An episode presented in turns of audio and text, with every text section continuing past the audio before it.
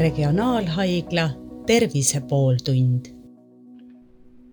tere kuulama Regionaalhaigla Tervise pooltundi ja tänane saade toimub Skype'i teel erandkorras, sest me räägime juttu arstiga, kes on haigestunud koroonaviirusesse ja seetõttu me temaga näost näkku kohtuda ei saa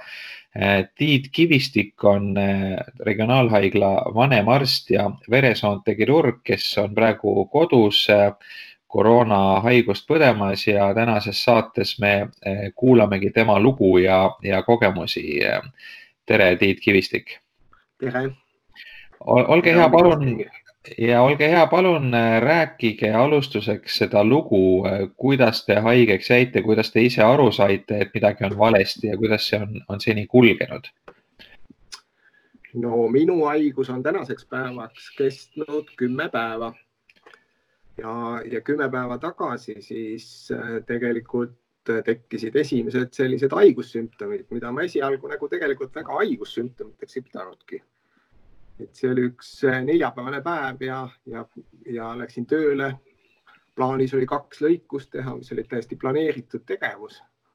ja, ja juba esimese operatsiooni ajal ma tegelikult tundsin peavalu. Äh, esialgu ma mõtlesin, et noh, vahest võib inimesel ikka pea valutada ja seda enam, kui sul on eelmine päev suhteliselt äh, selline ka pingeline olnud et ega, ega peavalu peale esimese mõttena ei, ei tuleks üldse selle peale, et, et nüüd on mingi haigus kallal ja, ja, ja kui ma teise lõikuse ajal tundsin ka lihastes valu, siis, siis hakkas nagu minu jaoks mingisugune kelluke helisema, et ei tea, et kas on tõesti nüüd mingi viirushaigus külge mulle saanud. Äh, ja, ja, ja kuna see teema, koroonaviiruse teema ja see on äh, nagu aktuaalne ja üleval, siis ma, siis ma selles valguses, missugused sõnumid olid juba haigla poolt antud töötajatele et kui vähegi viirusnähtusid on, et siis võiks koju jääda, siis, siis ma, siis ma otsustasingi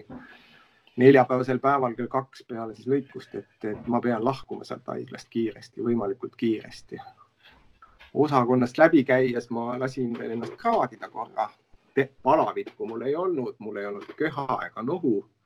ja, ja, ja kõik need sümptomid olid suhteliselt sellised mittespetsiifilised, et need ei, ei viita kuidagi sellele, et, et et just selle koroonaviirusega võiks tegemist olla. Järgmisel päeval ma läksin, kuna minu perearst on minu enda abikaasa, siis mul oli hea võimalus anda viiruspaneel analüüsid ära järgmise päeva hommikul kohe varakult, kui nende keskus veel ei olnud avatud, me käisime sealt läbi. võtsime ninaneelust proovid, see on ja siis neid analüüse analüüsiti selle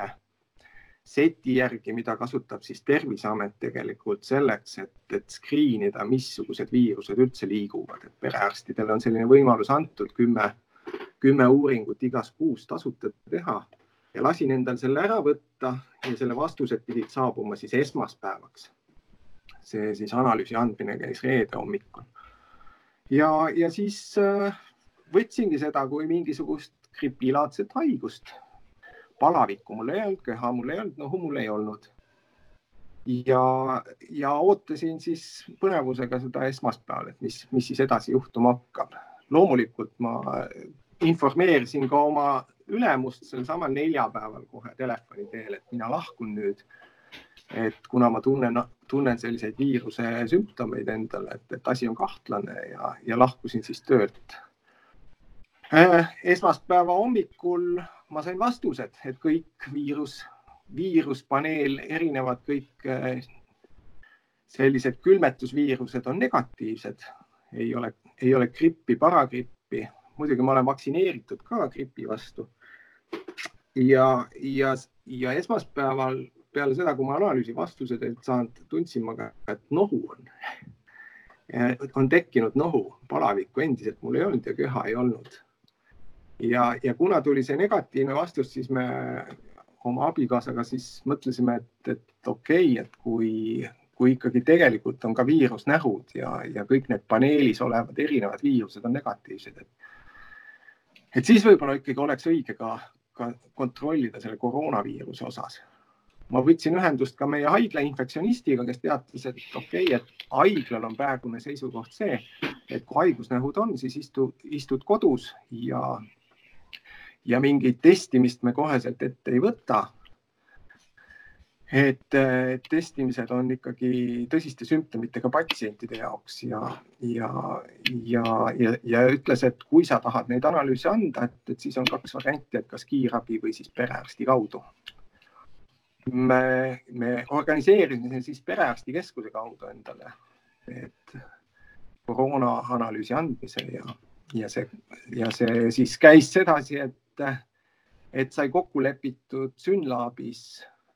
sealse töötajaga, et, et nende juures on võimalik seda anda, et sõidame autoga kohale ja siis parklas saab võtta ära selle analüüsi, seda enam, et noh, tegemist on meditsiinitöötajaga. kuna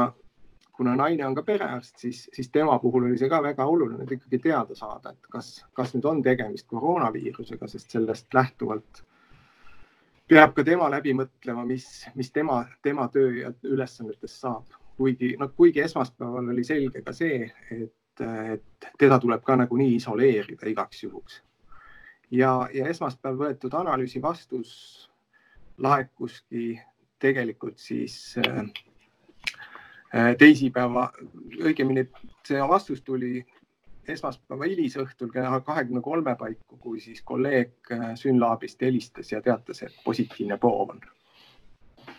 nii et minu, minu haigus hakkas suhteliselt tagasihoidlike sümptomitega, mis, mis sugugi ei, ei ole samasugused, kui kirjeldatakse praegu koroonaviiruse niisuguseid põhisümptome ja kuidas teil pärast seda tervis on olnud, kas on tulnud ka need põhisümptomid või, või on kulgenud selliselt äh, asümptomaatiliselt pigem? pigem on ta ikkagi tagasihoidlike sümptomitega, mida minul ei ole tänase päevani olnud, on köha ja, ja ka palavikku. noh, palavikku ma selles mõttes, ma nüüd regulaarselt ennast kraadinud ei ole, aga kui ma olen tundnud, et nagu niisugune külmatunne on, siis ma olen ikkagi võtnud kraadiklaasi ja kraadinud ja, ja palavikku tõesti mul olnud ei ole samuti köha ja, ja ütleme, selline, selline nohu on ka selline, mis, mis ei ole väga produktiivne. et ei ole vajadust kogu aeg taskurätt kuskil varrukas ringi käia või, või otsida kogu aeg paberit nina pühkimiseks, et, et see on suhteliselt kõik väga tagasihoidlik olnud ja aga kuidas on nüüd selle kümne päeva jooksul dünaamika olnud, et kas tervis on nüüdseks juba, juba paremaks läinud? Selle, selle haiguse koha pealt, selle kulgemise koha pealt võiks öelda nii, et äh, kui nendest peavaludest, lihasvaludest ja, ja, ja ka silmamunade valudest rääkida, siis see on nagu ooti käinud. et on selliseid mitmetunniseid perioode, kui nagu mitte mingisuguseid sümptomeid ei ole. ja, ja huvitav veel, mis, mis, mis tekkis, oli seitsmendal päeval tekkis ikkagi äh, maitse ja lõhnatundlikkuse kadu, et see on ka sihuke, sihuke huvitav sümptom, mida, mida nagu väga sageli noh, on elust ette tulnud, aga, aga see on, see on tõesti absoluutne maitse ja haistmismeele kadumine. et, et selline, selline sümptom veel lisaks. ja, ja kulus ei saa öelda, ega me tänaseks kümnendaks päevaks, ma arvan siiski, et ma veel päris terve ei ole, aga aga, aga samas ei saa ka öelda, et midagi oleks nagu oluliselt kehvemaks läinud või halvemaks läinud, et need kulg on olnud suhteliselt selline rahulik ja stabiilne. kas te ise ka oskate kahtlustada, kust te selle külge saite endale, et, et, et mingi selline hetk, et, et tundus, et, et sealt, sealt nüüd, nüüd ma selle sain või, või mingi konkreetse inimese käest? No loomulikult, kui, kui ma sain teada, et see on positiivne, siis noh, millest inimene nagu mõtlema hakkab või millest arst nagu üldse mõtlema hakkab, on ikkagi see, et tegelikult see, et kellega ma nüüd kontaktis olen olnud ja kust see võiks nagu tulla. ja, ja, ja kui ma siis nagu seda linti nagu mälulinti tagasi kerisin, siis tõesti, et kui sümptomid tekkisid neljapäeval, siis, siis esmaspäeval oli mul küll polikliinikus patsient, üks viiekümne kahe aastane mees kes astus uksest sisse mask ees küll, aga samas ise köhides, suhteliselt sageli köhides ja, ja tuli oma, oma käeprobleemi sinna kurtma ja täiesti plaaniline haige, kellel siis, kellel siis tegelikult oli diagnoositud mõned, mõned nädalad varem meie enda haigla EMO-s oli diagnoositud A-grippi ja, ja ta ütleski, et mul seda haigust ei ole, et mul on A-gripp ja, ja astus sinna sisse. noh, arstina ma võin kindlalt väita seda ka, et, et ega üks, üks haigus ei välista teist haigust ja, ja selle koroonaviiruse suhtes ta muidugi testitud ei olnud et, et see võis olla see haige, aga loomulikult on see spekulatsioon. Ma ei ole väga veendunud, et temaga on nüüd, kui hiljem ühendust võetud ja küsitud, küsitud, et kuidas temal nüüd läheb ja, ja kas, kas tal on need haigusnähud nüüd tagu, taandunud või mitte. et selle kohta mul info puudub. kas eh, te ise nüüd teate ka mõnda juhtumit, kus teie oleksite kedagi nakatanud? Äh, ja see teine teema oligi see, kus ma mõtlesin kohe selle peale, et no neljapäeval need kaks lõikushaiget, keda sai opereeritud, et, et kuivõrd palju ma nendega kokku puutusin nüüd. ja, ja mis, mis olid eelnevatel päevadel need kontaktid. Õnneks on, äh, õnneks neid kontakte väga palju ei olnud ja niisugust äh, tõeliselt, mida saab nimetada lähikontaktiks et, et see, see oli ainult üks patsient, kes oli ka, kes oli see patsient, keda ma sel päeval opereerisin. E, ja, ja, ja õnneks igal juhul e, sellel patsiendil võetud e, viirusanalüüs oli negatiivne, nii et, et tema ilmselt ikkagi minu, minu käest seda haigust endale ei saanud. et kui mõelda selle peale, milline see kontakt välja nägi, siis, siis noh, igal juhul, kui ma oleks väga suur, väga suur infektsiooni levitaja olnud, siis oleks ta pidanud selle kindlasti kätte saama seal. kuidas on lugu teie pere ja lähedastega? pere on õnneks kõik, kõik on äh, nii-öelda asümptomaatilised või keegi ei põe raskelt äh, mingisugust viirushaigust praegu. on küll erinevaid sümptomeid, aga need on kõik väga tagasihoidlikud. kellelgi köha ei ole, tõsist nohu ei ole palavikke ei ole. et äh, on küll sellist rinnaku tagu, tagust valu, aga see on ka selline väga ebaspetsiifiline. Abikaasa on, on täpselt samamoodi tundnud lihasvalu ja peavalu ja selliseid sümptome aga kas,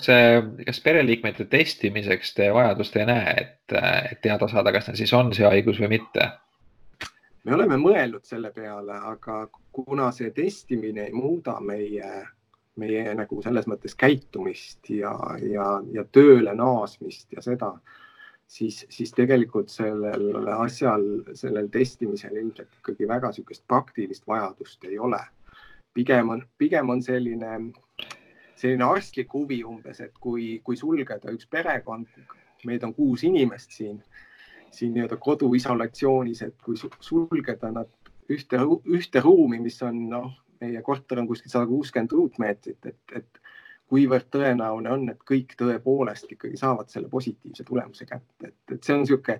see on lihtsalt selline arstlik ja teaduslik huvi selle asja suhtes, et, et kas, kas tõesti tegelikult ka analüüse võttes, et kas saaks kõigilt selle.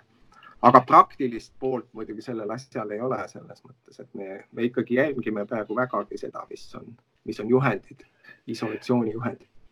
kuidas see isolatsiooni kogemus on, et te olete nüüd kümme päeva olnud isolatsioonis, et, et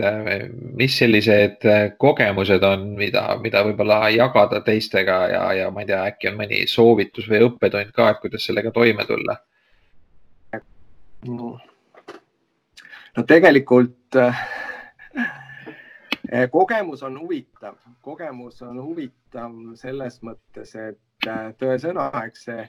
ega, ega meie perekondki nii, nii palju ja nii, nii pikalt äh, sedasi lähikontaktis ei olegi olnud, et tavaliselt igaüks ajab oma asju ja nii edasi. et see on paras väljakutse selles mõttes, et, et panna proovile kogu seda meeskonda ja kogu seda seltskonda. tekib ilmselgelt, tekib sellises väikeses kollektiivis selliseid väikseid nägelemisi ja nii edasi, mis, mis ongi, ongi nagu huvitav nagu kõrvalt vaadata mida, mida tavapärases elus ei, ei tule ja, ja, ja see, see soovitus tegelikult ongi see, et igaüks peabki leidma endale mingisugused meelistegevused ja, ja sobivad, sobivad tegevused, et siis tegeleda nende oma asjadega, mis võib-olla on igapäevatoimetustega kõrval, jäänud kõrvale ja millega pole olnud seni aega tegeleda, et, et et leida lugemist, leida, leida pooleliolevaid selliseid tegemisi, koolitöid, õppetöid, kõike, mida, mida iganes selleks, et, et oma aeg nagu kasulikult ära, ära sisustada. loomulikult haigete inimeste jaoks või kui sul on sümptomid, siis, siis arstina ütlen ma seda, et, et mõistlik on alati võtta see, see haigena tundmise perioodil ollagi haige, see tähendab, et vältida igasugust tegevust, mis võiks energiat kulutada ja, ja puhata et, et kõik see tegevus, mis võiks nagu sinu energiavarusid kustutada, siis sellest peaks loobuma sealhulgas siis, äh, seal, sealhulgas siis äh, video või Skype'i koosolekute pidamine töökaaslastega mingisugusel äh, stressi tekitaval teemal, kuigi noh, füüsiliselt on võimalik seda ka ju haigavoodis teha, aga. just, just seda ma silmas pean, et, et tegelikult ka, et ka ajutegevus on päris suur energiakulukas tegevus, et, et et see võiks piirduda ikkagi selles haigusperioodis, võiks need inimesed ikkagi tegeleda sellega, mis väga süga, suurt ja sügavat mõtlemist ei, ei nõua ja, ja stressi, täiendavat stressi inimesele ei tekita, nii et, et, et kutsun küll üles olema, et need, kes ikkagi haigena ennast tunnevad, et ka oleks haiged sellel perioodil ja, ja võib-olla, võib-olla magakski rohkem ja puhkaks ja katsuks, katsuks nagu säilitada seda oma energiat selle haigusega võitlemiseks. Äh, mis te, kuidas te suhtute õues käimisesse, et äh, siin on ka nagu arvamusi, et, äh, et kui sa nagu tunned ennast hästi või otseselt ei ole ka positiivsena testitud, et siis niimoodi ööpimeduse varjus korraks õue minna, kui teisi inimesi ei liigu, ei ole, ei ole väga suur risk, et mis te sellest arvate? ja selle, selle koha pealt minu noh, äh, ütleme nii, et ega selle koha pealt ju Terviseameti poolt juhiseid ei ole, et kuidas peaks nagu käituma, aga arstina ma siiski ka arvan seda, et võttes arvesse, kuidas see nakkus toimib, äh, siis, äh, siis tõepoolest, ega haigena ei pea olema kakskümmend neli seitse toas kinni ruumis ja, ja minu, minu isiklik kogemus on küll see, et mina käin samuti korra päevas ikkagi väljas selleks ma siis tegelikult sõidan kuskile metsa, teen koeraga jalutuskäigu. et, et ma ei arva seda, et see tõstab olulisel määral nakkuse riski. sedasi, kui, kui inimesel on selline võimalus, mitte kasutades äh, ühistransporti, liikuda välja, liikuda metsas siis muidugi tuleks minna sellisesse metsa, kus ei ole, ei ole rahvamatka parasjagu käimas, sest inimesed ka kurdavad, et kui minna populaarsetele terviseradadele, et siis seal on, on rahvast eh, sama tihedasti võib-olla kui tipptunnil autobussis. Mm. -hmm loomulikult peab, noh, inimesed on erinevad ja tõe, nagu see haigus ka näitab, on ka kliinilised sümptomid erinevad, et ma ei kutsu kindlasti üles neid inimesi, kellel on tõsine niisugune lahtine nohu ja kes aevastavad ja köhivad kogu aeg, et siis need, need võiks küll koduseinte vahele enam jääda. et need, nende, neid ma üles ei kutsu metsa minema. aga, aga kui sul ei ole selliseid lahtise äh, nii-öelda viiruse leviku värateid, selliseid, mis, mis nagu, mille kaudu kogu aeg saaks nagu keskkonda seda paisata siis, siis, siis on põhimõtteliselt selline karantiin täitsa mõistlik, et ikkagi kord päevas väljas ka käia. see, äh, me oleme alles olnud põhimõtteliselt kümme päeva karantiinis, et, et see on suhteliselt väike aeg, et kui siin vaadata seda, et mis, missugust kogemust jagavad inimesed, kes on juba kaks kuud isolatsioonis olnud, siis siis, siis kindlasti need, ütleme, sellised vaimsed probleemid ja psüühilised probleemid, need, need hakkavad alles tulema siis, kui juba see kaks nädalat täis on ja nii edasi, et ma, ma usun, et see, kui peab pikemalt ikkagi isolatsioonis olema, siis, siis me saame ka tunda seda, mida see tähendab, see, see täiesti täielik isolatsioon. aga mis teie edasine äh, plaan on, kui, kui üldse saab plaanidest praegusel ajal rääkida, et, et kui teil nüüd tunnete ennast tervena ja saab äh, teatud aeg haigestumisest mööda, et, millal te siis äh, nii-öelda tavaellu plaanite äh, naasta ja, ja olete mõelnud ka seda, millal te tööle saate minna? no tööle minemise suhtes on ikkagi haiglal pandud nagu täpselt niisugused reglemendid peale. ja äh, ma ei tea, kas praegu see on see koht, kus nagu see üle korrata, et missugune ta on meie haiglas nüüd. Igal juhul ma tean seda, et, et testimist tagasi tulevatele töötajatele tänase seisuga ei ole planeeritud teha ja, ja, ja kui on kaks nädalat see haigus nagu kestnud, siis põhimõtteliselt kui sa oled nelikümmend kaheksa tundi ilma palavikuta, ühesõnaga normaalse kehatemperatuuriga, kui sul ei ole ühtegi viirushaiguse nähte kakskümmend neli tundi, siis, siis põhimõtteliselt võid sa tööle naasta. Ja, ja noh, kindlasti on see,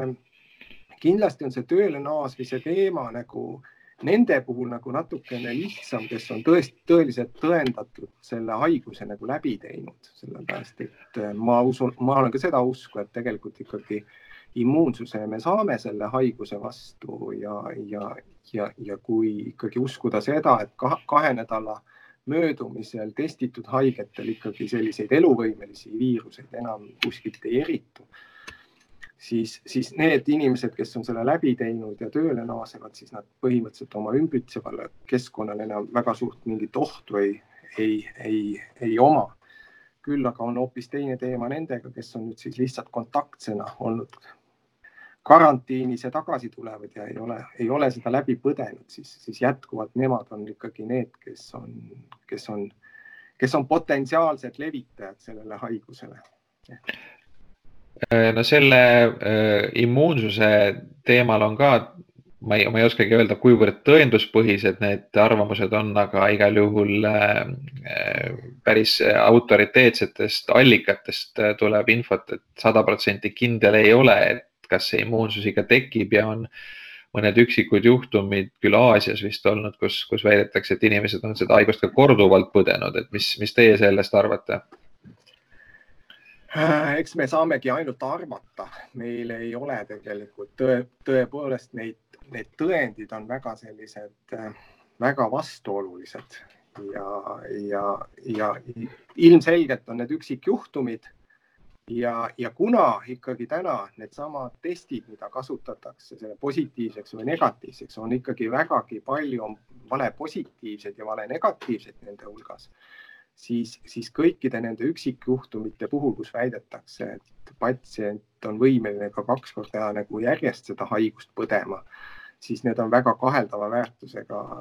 nagu selles mõttes faktid et seal võib olla ikkagi tegemist sellega, et on olnud tegelikult kas vale positiivne või vale negatiivne analüüsi vastus. kuidas te hindate praegu seda, kuidas Eesti on selle äh, viirusepuhanguga hakkama saanud, et, äh, et mis teie nii-öelda, teie kui ühe, ühe siis äh, vägagi asja sees oleva inimese arvamus sellele on? ma arvan seda, et ka arstkond ja noh, ma võtan nagu ikkagi iseendast lähtuvalt, ega kui keegi küsib minu käest, et kas ma nagu, kas ma nagu uskusin seda, et see nii-öelda nakatumine on nii lihtne tulema, siis kindlasti mitte. et minu jaoks oligi kõige šokeerivam see, et mina, kes ma tegelikult eesliinil nagu väga ei tööta ja, ja puutun ka kokku just oma patsientuur on mul selline, kes ei, kes ei ole nii-öelda väga aktiivne reisija ja, ja ja, ja liikujad, et need on sageli sellised inimesed, kellel on krooniliste haiguste tõttu nad väga niimoodi liikvel ei ole, siis ja, ja sain selle haiguse ikkagi suhteliselt, suhteliselt kohe nagu kätte, siis, siis, siis ma arvan seda, et ega, ega need ootused nüüd selle, selle valmisolekuks ja hakkama saamiseks on suhteliselt sellised et need on väga spekulatiivsed küsimused, et nendele, nendele ei saagi nagu väga otseselt, otseselt vastata.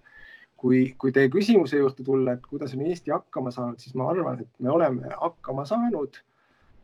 muidugi, et tagantjärgi võib tarkusena öelda, et võib-olla me oleks pidanud reageerima varem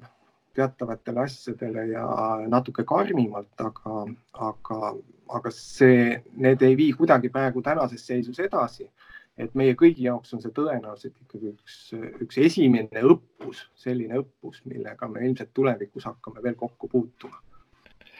no siin on nii Terviseamet kui siis ka kriisikomisjon andnud konkreetseid soovitusi inimestele, kuidas käituda, et kas teil neile lisaks on võib-olla isiklikust kogemusest veel mingi soovitus, et mida kindlasti silmas pidada, et kuidas ennast siis hoida tervena, kui, kui seda haigust pole veel õnnestunud enda külge saada, et, et äkki, äkki oskate veel midagi lisaks mingisuguse näpunäite anda mm.? see jah, et, et kui eelme, eelmise küsimusega põimida seda, siis äh, nüüd natukene mõeldes selle peale, siis mulle noh, mina, kes ma isolatsioonis olen, ma ei tea ju muidugi, missugused on seisused, kui palju on rahvast poodides ja sellistes, sellistes iga, igapäevaelu puudutavates sõlmpunktides, kus hästi palju rahvast koos käib, et kui, kuidas inimesed käituvad, et mul on raske hinnangut anda sellele. Aga, aga kindlasti ma, ma leian seda, et inimesed peaks seda usku, uskuma ja, ja, ja selles osas kindlasti väga jälgima seda ja mõtlema seda oma igapäevast käitumist, seda, et kas mul on vaja minna sellistesse kohtadesse, kus on enam inimest, inimestega kontakti, seda füüsilist kontakti see tähendab seda, et kui, et kui on ikkagi vaja toidupoodi minna, siis ei minda sinna mitmekesi ja nii edasi, et keegi üks inimestest käib ära seal ja ja, ja tõesõna, et mõeldakse enne läbi, kui sinna poodi minnakse, et, et mida on vaja ja, ja võetakse need ja kaota ja siis kiirelt lahkutakse nendest kohtadest. et, et see on, see on asi, mis mulle tundub, et, et mida info, mida nagu võiks nagu jagada rohkem nii meedias igapäevaselt, et seda võiks kogu aeg nagu meelde tuletada ja kogu aeg korrata, et see see on see koht, millega ilmselt on võimalik seda, seda levikut nagu pidurdada ja aeglustada seda levikut, mida, mida ongi meil tegelikult täna vaja, meil on vaja aega ja akent seda, seda, et need numbrid väga kiirelt ei kasvaks aitäh teile, Tiit Kivistik, me rääkisime eh, Regionaalhaigla vanemarsti, eh, veresoonte kirurgi doktor Tiit, Kivi, Tiit Kivistikuga, eh, kes on ise praegu kodus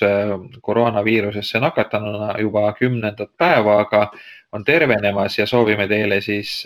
head paranemist. Ja te kuulasite Regionaalhaigla Tervise pooltundi koroonaviiruse eriepisoodi. aitäh kuulamast, mina olen Hando Sinisalu